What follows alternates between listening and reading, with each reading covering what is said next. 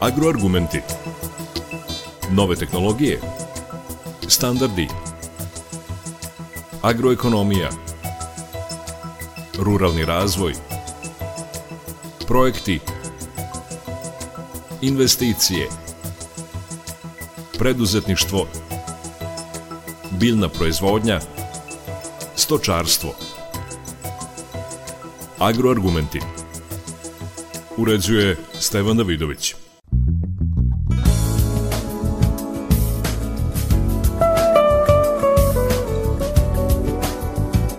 U agroargumentima govorimo o zaštiti bilja, zato su naši gosti stručnjaci iz prognozno izveštene službe za zaštitu bilja, gospođe Milena Marčić, Milica Tepić i Boško Jezerkić.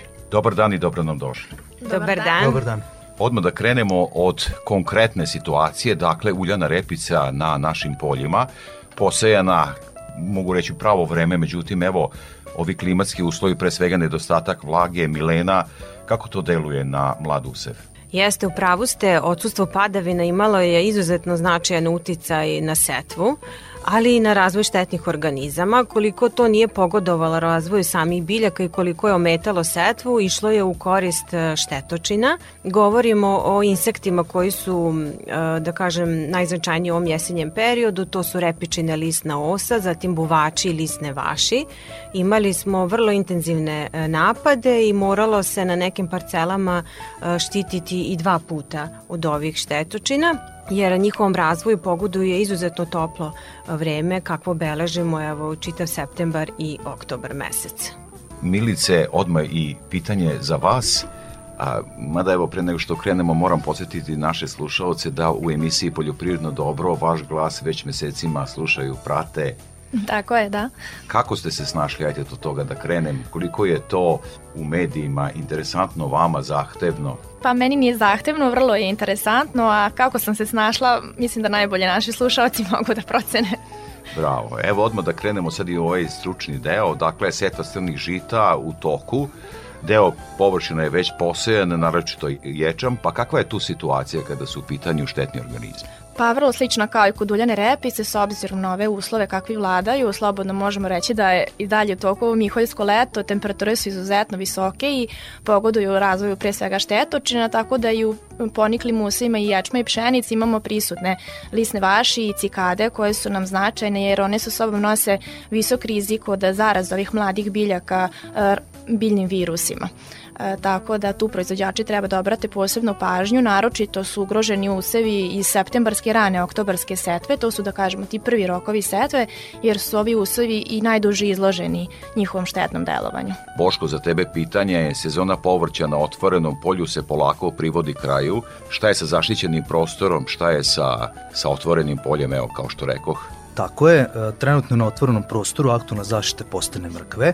Trenutne temperature, e, vrednosti relativne vlažnosti vazduha, padavine kao i duge jutarnje rose pogoduju razvoj ovog patogena. Treba biti oprezan, pregledati svoje useve i po potrebi prisuta simptoma e, sprovesti zaštitu registrovanim fungicidima. U proizvodnji u zatvorenom prostoru tu sad imamo najviše salatu i paradajz i ovaj takođe su povoljni uslovi za razvoj patogena, pogotovo prouzrokovača plamenjača i sive truleži E, i e, naravno e, biti oprezan, pregledati biljke, po potrebi simptoma sprovesti mere registrovanim fungicidima. Od štetnih insekata moramo naglasiti mujca paradajza, to je jedna jako, jako opasna štetočina, 12. generacija razvija godine, hrani se koliko, god može, koliko, ako ima hrane, konstantno se razvija.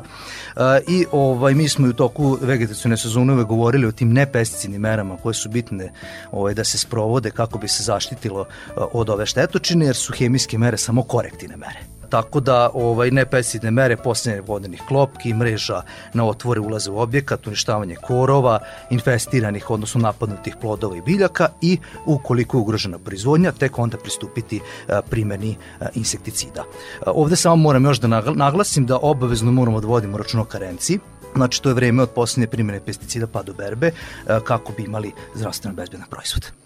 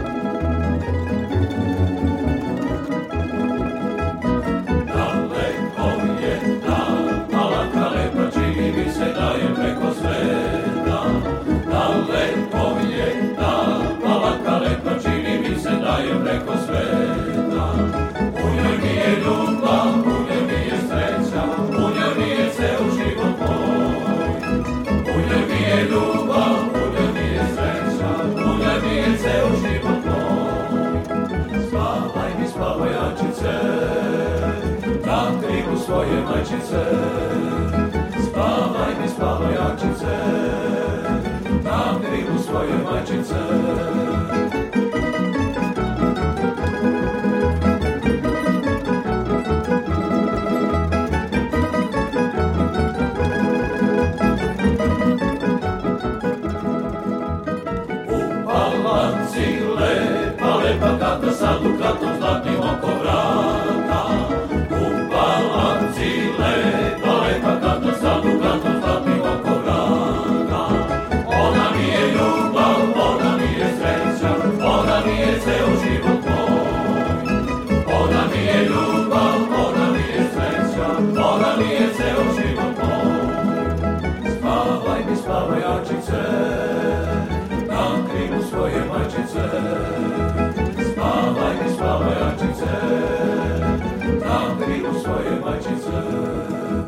Agroargumenti.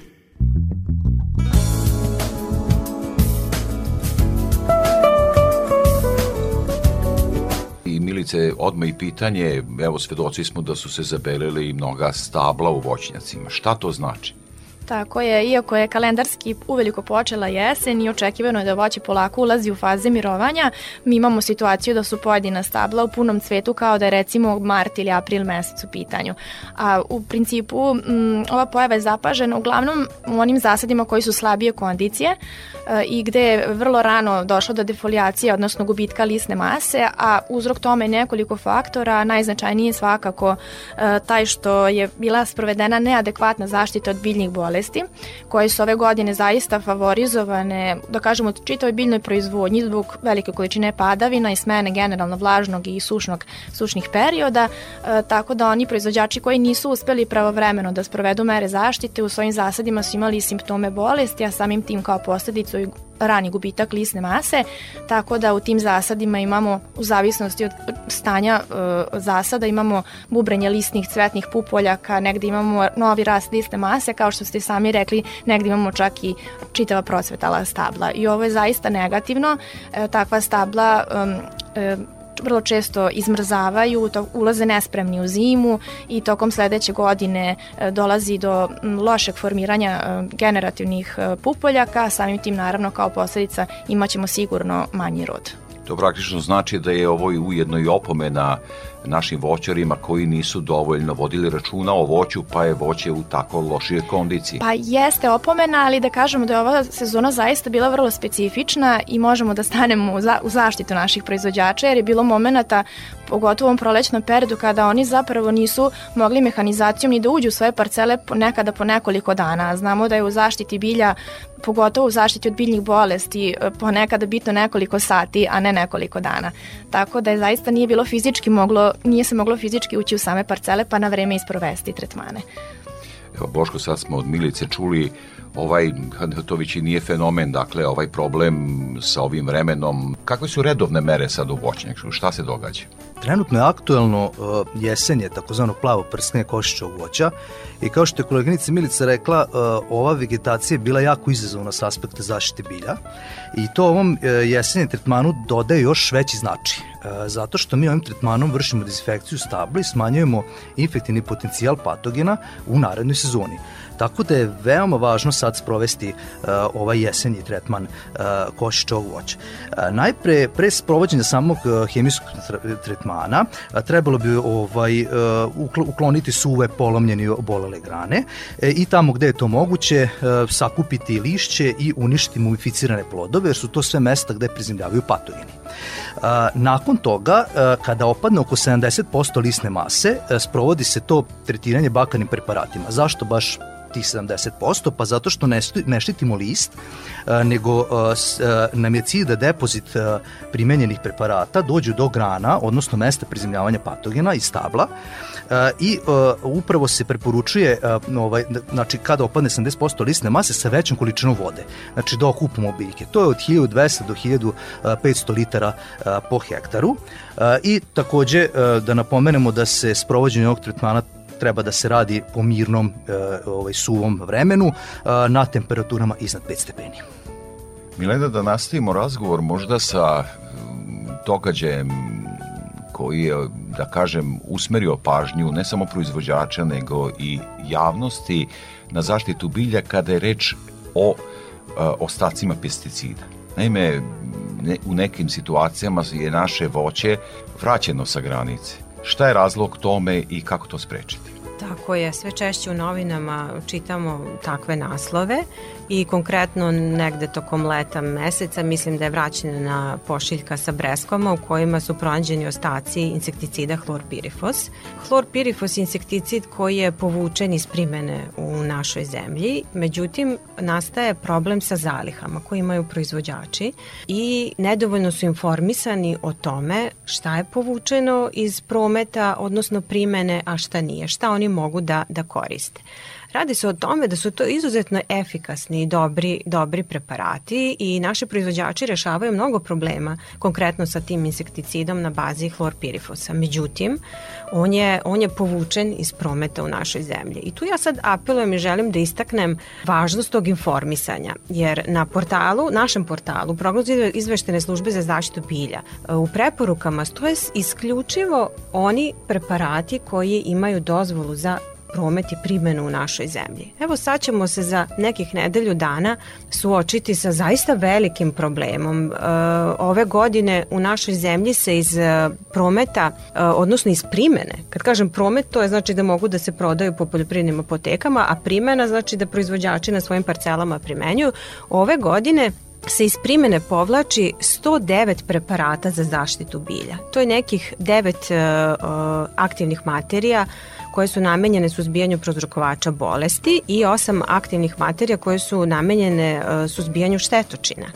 Dakle, to je preko 100 preparata ove godine samo fungicida i insekticida se povlači i najvećim delom dozvola za primjenu im ističe 9. novembra. I tu apelujem da naše proizvođači prate portal prognoz izveštene službe za zaštitu bilja jer smo, mi pratimo sve te informacije, pratimo liste dozvoljenih sredstava i preporuke stavljamo isključivo ono što je registrovano i što ima dozvolu za primenu. Znači, kažem, sada 9. novembra će se recimo iz primene provući jedan vrlo široko rasprostanjen fungicid na bazi mankozeba. Koliko je on značajan govori činjenica da 34 preparata su u našoj zemlji registrovana na bazi ove aktivne materije. To je fungicid koji se koristi i u povrtarstvu i u voćarstvu i u ratarstvu i zaista naši proizvođači sada moraju da, da, da, da dođu do tih informacija. Kažem, te informacije mogu da pronađu na našem portalu. Mi smo hlor pirifos čini mi se izbacili iz naših preporuka još pre dve godine, jer smo uh, naše liste naših, uh, naših sredstava koja su namenjena za zaštitu bilja usklađivali sa sredstvima za koje su registrovane u Evropskoj uniji. Mi pratimo i taj portal Evropske unije o dozvoljenim uh, pesticidima i onda se usaglašavamo i, i napomenemo. Čitavu jednu godinu mi smo na našim preporukama signalizirali proizvođačima da svi oni koji su orijentisani ka izvozu za Evropsku uniju ne treba da primenjuju hlorpirifos jer je on mnogo ranije bio zabranjen u Evropskoj uniji. Dakle, apelujem da nam se ne bi dešavale više ovakve stvari, a moram da istaknem na činjenicu da su ogromne zalike u pitanju. Pa evo sad i ovog mankozeba koji smo spominjali imam sad neku informaciju sa proizvođačima, smo razgovarali ovih dana, oni imaju po, po nekoliko desetina kilograma tih preparata. A evo od 9. novembra njemu se zabranjuje primjena u našoj zemlji. Znači verovatno će i dalje neko te preparate primenjivati, a onda kad se uradi tako neka kontrola nailazimo na problem. Tu je informisanost ključna, kaže mi smo sistem koji to prati, usaglašava naše preporuke sa tim i e, jedino rešenje je da, da, da, da se ljudi informišu na pravim adresama. Da li to praktično znači, Milena, da ne bi trebalo da proizvođači prave zalihe, jer naprosto eto događa se ta promena regulative u Evropskoj uniji, a vi ste ti koji preko eto portala pratite to i odmah isključujete takav preparat iz primene. Jeste, ne bi trebalo. Znate kako, pojavi se neki preparat, ponudi se po jeftinijoj ceni. Ja mogu da razumem i muku proizvođača koji su zaista u velikom problemu, skupi su input i repromaterijali, ljudi se snalaze, kupuju jeftinija sredstva. Evo recimo samo šta je s pšenicom bilo ove godine, imali smo potrebe da tretiramo i tri puta, pa zamislite koliko koštaju ta tri fungicida i onda se ljudi snalaze, kupuju tamo gde je jeftinije. Ja ne mogu da njih osudim u tom uh, smislu, ali opet s druge strane ako želimo da, da te naše proizvode izvede, izvezemo, ako želimo da budu zdravstveno bezbedni, mi moramo da poštujemo te regulative i kod nas, a eto i one zemlje gde se izvozi. Izvozi se naša malina se izvozi u Japan i u Ameriku i u Evropsku uniju, naše voće se izvozi u Rusiju, Dakle, e, svaka zemlja ima neke specifične zahteve i mi se trudimo da upravo sve te zahteve objedinimo i da sve ono što plasiramo u našim preporukama zapravo već na, na neki način je podmirilo i te, i te zahteve i to uvek i napomenemo. Znači, ko izvozi za Evropsku uniju, neka se poštuje ovoga, ko izvozi u Rusiju ovoga i tako dalje. Tako da e, Mm, ovo je sistem koji objedinjuje nekoliko stvari. Ne radi samo monitoring štetnih organizama, ne izveštavamo mi samo o biološkim događajima, nego poseban akcent stavljamo i na, i, na, i na primjenu pesticida. Jer vidite, mi se sada u zaštiti bilja suočavamo sa izuzetno velikim problemom. Mnogo veći broj aktivnih materija se povlači. To je negde delimična posledica ove zelene agende o kojoj se mnogo priča, gde do 2030. godine mora da se prepolavi primjena pesticida i Srbija prati te trendove, ono što se povlači u Evropskoj uniji, to se povlači i kod nas. Ja ne ulazim u to da li je to ovaj ispravno ili nije, jer različiti su nam i uslovi proizvodni. Nije isto proizvoditi jabuku u Nemačkoj i proizvoditi u Srbiji. U Nemačkoj jabukin smotavac ima jednu, jednu i po generaciju, kod nas dve, dve i po. Dakle, mi se razlikujemo i po broju tretmana koji su neophodni da bi se neka kultura zaštitila.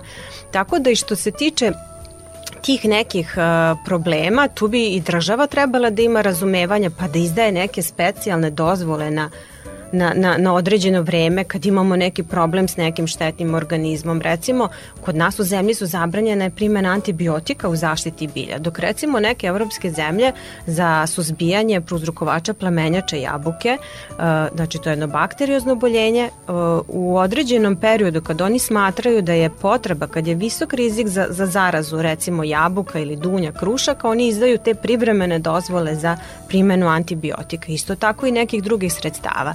Dakle, tu bi trebalo, da kažem, Jela, već, veća fleksibilnost? Jeste i fleks, veća fleksibilnost, dobro razmisliti, uh, zato što, kažem, i drugačiji su agroekološki uslovi, imamo drugačije potrebe i da, i da štitimo organizme. Drugo, i klimatske promene su nastupile. Mi u poslednjih deseta godina imamo mnogo novih štetnih organizama. Imamo azijsku voćnu mušicu, imamo brown mramorastu stenicu, ove invazivne stenice što nam se uvlači i u stanove i što nas ometaju. One su velike štetočine u poljoprivrednoj proizvodnji. Malo je aktivnih materija koje su registrovane za njihovo suzbijanje. Recimo u Leski, gde brown mramorasta stanica pravi izuzetno velike probleme, vi imate samo jedan jedini insekticid koji je registrovan za, za suzbijanje te štetočine. Pritom, vi treba da ispuštujete antirezistentnu strategiju, da uvek menjate insekticide sa drugim mehanizmom delovanja. Vi to ovde ne možete kad imate samo jedan insekticid. Dakle, ima tu mnogo problema. Nije ovo samo, uh, nije o, u leski samo slučaj, ima tu još mnogo problema. Recimo u zaštiti šećerne repe sa povlačenjem ovog mankozeba koji smo spomenuli, nilazimo na problem da nećemo imati više preventivnih fungicida sem bakra, a već se sada priča da će 2024. godine biti povučeni bakar iz, iz uh, upotrebe zato što negativno deluje na, na, na kišne gliste. To je metal koji se taloži u zemljištu i štetno deluje na kišne gliste. Dakle, upadamo u, u probleme gde je sada u jednoj kulturi gde je vrlo važna preventivna zaštita, jer preventivna zaštita je najvažnija strategija u zaštiti bilja kad se radi o, su, o suzbijanju bolesti. Znači uvek je dobro da preventivno delujete, da ne dozvolite da se, da se biljka razboli pa da je onda lečite. To povećava i primenu fungicida, povećava troškove i tako dalje i mnogo su skuplji ti preparati s kojima se leči, a ne prevenira. Tako da ćemo mi ući u problem da nećemo imati preparat koji će biti preventivnog delovanja u zaštiti šećerne repe gde vam je najvažnija stvar da vi zaštitite tu lisnu masu koja može da gura jel tako, hranljive materije i u taj koren. Tako da, eto, to su neki problemi, ima ih mnogo više, ali da kažemo, otprilike je to nešto s čime se zaštite bilja trenutno suočava. Nekako stalno razmišljamo o našem poljoprivredniku, voćaru, rataru i tako dalje. Stalno spominjete tu preventivu. Koliko su naši poljoprivrednici svesni toga da je prevencija integralna proizvodnja u smislu više tih faktora, dobra poljoprivredna praksa o kojoj stalno razgovaramo. Šta se tu događa? Ili ima tu škola, ili ima edukacija? Koliko su poljoprivrednici? Šta je što što vidite na terenu? Da, pa evo ovako, mogu da kažem da tu ima mnogo prostora da se, da se napreduje. E, zato što još uvek naši proizvođači nekako misle da svi problemi u zaštiti bilja mogu da se reše pesticidima, sa hemijom i to je nedopustivo. To je nešto što zaista nije tačno i ne može tako da bude. To vodi u mnogo veće probleme. To sve povećava primenu uh, pesticida. Oni, uh, kako da kažem, ukoliko se pridržavamo dobre poljoprivredne prakse, ako primenimo sve preventivne mere koje, koje imamo na raspolaganju, koje mi možemo da, da, da primenimo, te, ta primene pesticida treba da dođe samo krajnja korektivna mera. Nekad je čak i nije potrebno izvršiti. Šta tu podrazumemo po dobrom poljoprivrednom pracu? Sad mi tako kad kažemo, pa sad to sad zvuči jel, vrlo ovako, ali šta je to konkretno? Recimo, zvuči poznato, kao da je sve zvuči to poznato, ali da, da vidimo šta je to konkretno. Pa to konkretno znači recimo da se u proizvodnji neke kulture vi morate pridržavati prvo i osnovno plodoreda.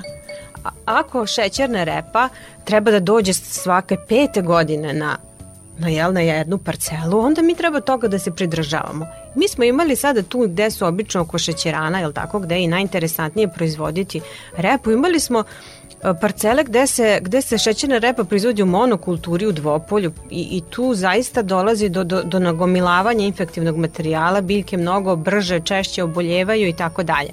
Drugo, higijena, higijena je vrlo važna stvar. Pa eto i kad bi zapostavili recimo samo svoj životni prostor, kad ga ne bi čistili, kad ga ne bi održavali, na šta bi to ličilo? Verovatno bi se češće razboljevali.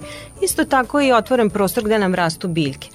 Moramo, moramo uh, higijenu održavati, moramo korove uništavati, ne smemo, uh, ne smemo dozvoliti da, da, da se tu mm, razmnože neki štetni organizmi koji posle prelaze u usev. Dakle, mnogo je tu mera. Zatim obrada zemljišta, duboka obrada. Mi smo malo i sa ovom redukovanom obradom napravili neke probleme, jer vi kada vršite uh, o duboko oranje, vi unosite te štetne organizme u dublje slojeve zemljišta iz kojih oni ne mogu tako lako da izađu zatim usitnjavanje žetvenih ostataka i tako dalje s kojim isto suzbijamo štetne organizme. Dakle ima tu ima tu mnogo o, još ovaj značajnih mera, mi se trudimo da sve njih i u našim preporukama napišemo. Kažem, opet postoji sistem koji o svemu tome vodi računa, to je prognoz izveštena služba za zaštitu bilja, I mi uvek se potrudimo da pre hemije, pre one preporuke koji pesticid kada u kojoj dozi, da napišemo koje su to preventivne mere. Evo Boško je spomenuo koje su to preventivne mere u proizvodnji paradajza i suzbijanju, uh, suzbijanju moljca paradajza. Vi ne možete hemijom suzbiti tu, tu štetočinu.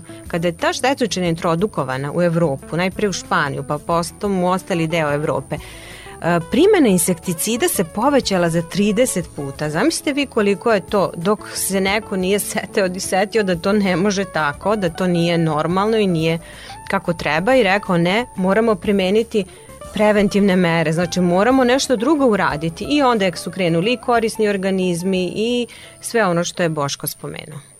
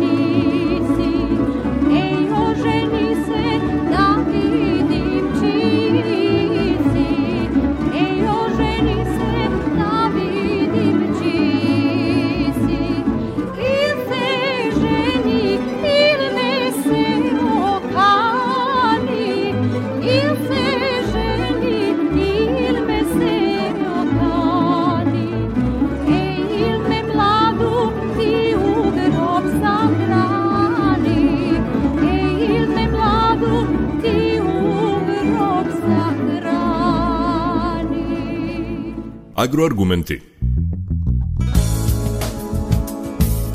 Evo Milice, od gospođe Milene smo čuli koliko problema ima sa smanjenjem broja preparata koji su dozvoljeni našim poljoprivrednicima u zaštiti bilja. Šta dalje, šta im ostaje na, na raspolaganju? Pa iz ove situacije može da se izađe na nekoliko načina. Milina je već spomenula da je jedan od e, rešenja prihvatanja modela kao recimo neke druge europske zemlje, a to je model interventnog oročenog odobravanja upotrebe pesticida u incidentnim slučajima. To jako grubo zvuči, ali da kažemo narodskim jezikom, to u stvari znači da se na određeno vreme dozvoli e, upotreba neke od povučenih aktivnih materija kako bismo rešili neki gorući problem i u stvari sačuvali e, biljnu proizvodnju naše zemlje u nekom trenutku. A drugi način koji se teško može e, nazvati, da kažemo, rešenjem, ali više kao ublažavanje šteta jeste primjena nekih alternativnih e, tehnika e, u zaštiti bilja. Kao primer možemo navesti recimo u voćarstvu zaštitu krušaka od kruškine buve, gde naši proizvođači već godinama unazad primenjuju tehniku primjene kombinacije vode, sirćete i deterđenta recimo u zaštiti od kruškine buve. Dakle, tu nema primjene hemije, nemamo karencu i pokazalo se kao jako dobro, naročito u, da kažem, kažem ovom, kada se približimo berbi, jer nam je tu jako važno da nemamo karencu. E, jasno je da je u ovakvoj situaciji zapravo jedini način za potpuno rešavanje problema u zaštiti bilja, pored primene svih ovih preventivnih e, mera, iznalaženje novih aktivnih materija koje su ekotoksikološki povoljnije i koji deluju ciljeno na određeni štetni stadijum organizma, što zapravo jeste zadatak upravo prognozno izveštajne službe. E, mi zapravo ono što je u našim rukama jeste da pratimo biološke događaje štetnih organizama i da upotredimo sve one ono što imamo na raspolaganju u pravom momentu i na taj način da postignemo maksimalni efekat. To je u stvari ono što mi godinama e, i radimo i što je temelj e, prognozne izveštene službe za zaštitu bilja. Evo Milena, razgovarali smo o ovim preparatima koji se povlače, ali da sada to stavimo po stranu, e, klimatske promene i sve ostalo, kakva je proizvodna godina? Kako to ocenjujete? Proizvodna godina je bila vrlo specifična, zahtevna i teška u zaštiti bilja. Ne pamtim, evo, od kad se ja bavim zaštitom u poslednjih 17 godina da je bilo ovako zahtevna. Ali ajde da krenemo od prošle jeseni, kada zapravo i počinje vegetaciona sezona. Mi smo uh, posle setve strnih žita, novembar, decembar, januar, februar, imali toplo vreme, u nekim mesecima i neuobičajeno toplo vreme za to doba godine, a padavina smo imali izuzetno. Mogu da kažem da ovo bila naj, prema podacima Hidrometeorološkog zavoda, treća najtoplija zima u Srbiji od 1951. godine kada se meri vreme, evo jedna ekskluziva, znači u Novom Sadu je to bila druga najtoplija zima od kad se meri vreme i zaista u takvim uslovima gde smo imali toplo vreme, dosta padavina, imali smo problema sa bolestima u strnim žitima.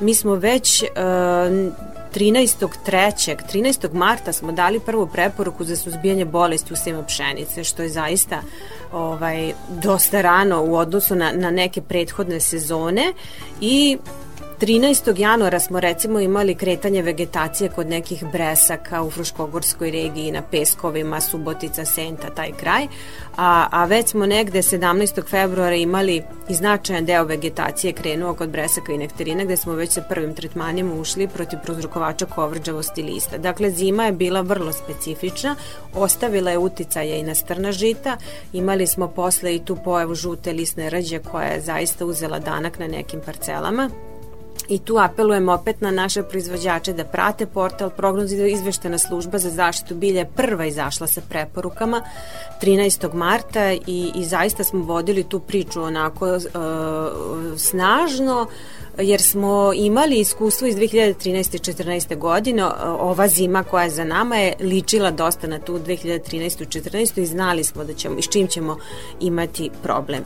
Opet proleće je bilo kišovito, izuzetno kišovito, april je bio veoma hladan, što je odložilo sve setvu uh, jarih useva, maj, jun, dosta padavina, uh, tu možemo slobodno reći da je to bila godina recimo plamenjače, godina prouzrukovača bolesti, smo imali kažem, česte padavine, dugotrajne vlaženje lista, u nekim zasadima ranije opala listna masa, sad imamo retrovegetaciju, plemenjaču smo imali zaista u mnogim biljnim vrstama, recimo ple, simptome plemenjače smo imali tu negde oko 24. maja, smo već viđali simptome na parcelama, a recimo nekih deseta godina unazad smo tek u tom periodu imali prve uslove za infekciju, pa negde tamo u prvoj dekadi juna i, i neke simptome. Dakle, dosta je to sve rano krenulo i ovaj kada imate tako vlažnu godinu, kada ima dosta padavina, visoke su vrednosti relativne vlažnosti vazduha, te visoke vrednosti su uticale na azijsku voćnu mušicu. Ove godine se možda prvi put od kad je ona introdukovana u punoj snazi pokazala njena štetnost, zato što smo već tokom maja, juna, jula beležili ulove na klapkama. Postoje zasadi koji, e, koji se nisu obrali zbog azijske voćne mušice. I tu smo isto ovaj apelovali prvi put u drugoj dekadi maja, pa zatim još jednom na kraju maja, pa smo reagovali uh, i kada su ovaj krajem jula došlo do drastičnog povećanja brojnosti za vinovu lozu negde u sredinom avgusta ove godine ova štetočina zaista napravila probleme uh, voćarima, ali su uslovi diktirali, jer uvek uslovi diktiraju pojavu štetnih organizama, jer se oni razvijaju u tim uslovima. Kako diktiraju i, i uh, razvoj biljaka, isto tako i štetnih organizama. Ali ono što se evo istaklo posebno ove godine su vremenske nepogode. Imali smo ozbiljnih problema.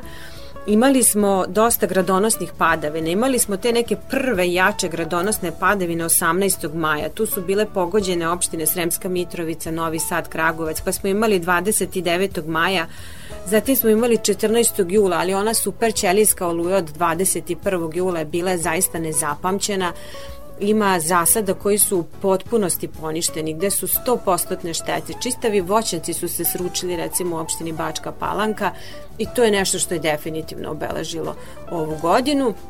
I sada imamo ovu jesen koja je topla, koja je e, povoljna za razvoj insekata, o tome smo razgovarali, ali eto to su, da kažem, neke ključne karakteristike ove godine. I evo Boško za kraj, možda u najkraćem samo da još jednom podsjetimo naše poljoprivrednike o portalu prognoz izvešene službe, gde se nalazi na kojoj adresi i šta se tamo može vidjeti kako se to koristi. E, tako je, mislim da sve moguće načine informisanja trudimo da poljoprivrednim proizvođačima damo informaciju e, o štetnim organizmima i njihovom, njihovim merama kontrole. E, najvažniji nam je portal koji se nalazi na www.pisvojvodina.com ili www.pisrbija.com gde se nalaze sve obuhvatne informacije kako generalne, tako i na nivou regiona. Zatim šaljem SMS preporuke u onim najkritičnijim momentima zaštite bilja. Ukoliko je neko zainteresovan, može da dođe u najbliži regionalni centar da da saglasnost da hoće da primate preporuke. Pored toga, tu i na društvenim mrežama se nalazimo, pis preporuke na Facebooku, Instagramu. Trudimo se da održamo i naš YouTube kanal, to su kratki edukativni snimci kako mogu poljoprivredni proizvođači sami da pogledaju neki usevi, izvršenje njegovo zdravstveno stanje. I naravno putem medija kao što i vaš radio u najstarijoj uh, agrarnoj emisiji Poljoprivredno Dobros, gde ste urednik vi i vaš kolega Đorđe Simović, gde, koji ide s nedeljom svake nedelje u 8 časova uh, na radio Novom Sadu, kao i emisija Zelena prognoza koja je na radio televiziji Vojvodine koju uređuje naš koleginica Sonja Balaban, tako da sve, sve video informisanje gledamo da obuhvatimo kako bi naši poljoprivredni proizvođači dobili informaciju. Dakle, izuzetno opširna tema zaštita bilja, prognoz izvještena služba za zaštitu bilja i da za kraj emisije pozdravim i naše goste, stručnjake te službe, gospođu Milenu Marčić, Milicu Tepić i Boška Jezerkića. Veliko vam hvala za gostovanje u programu Radio Novog Sada. Hvala i vama i pozdrav svim slušalcima Radio Novog Sada.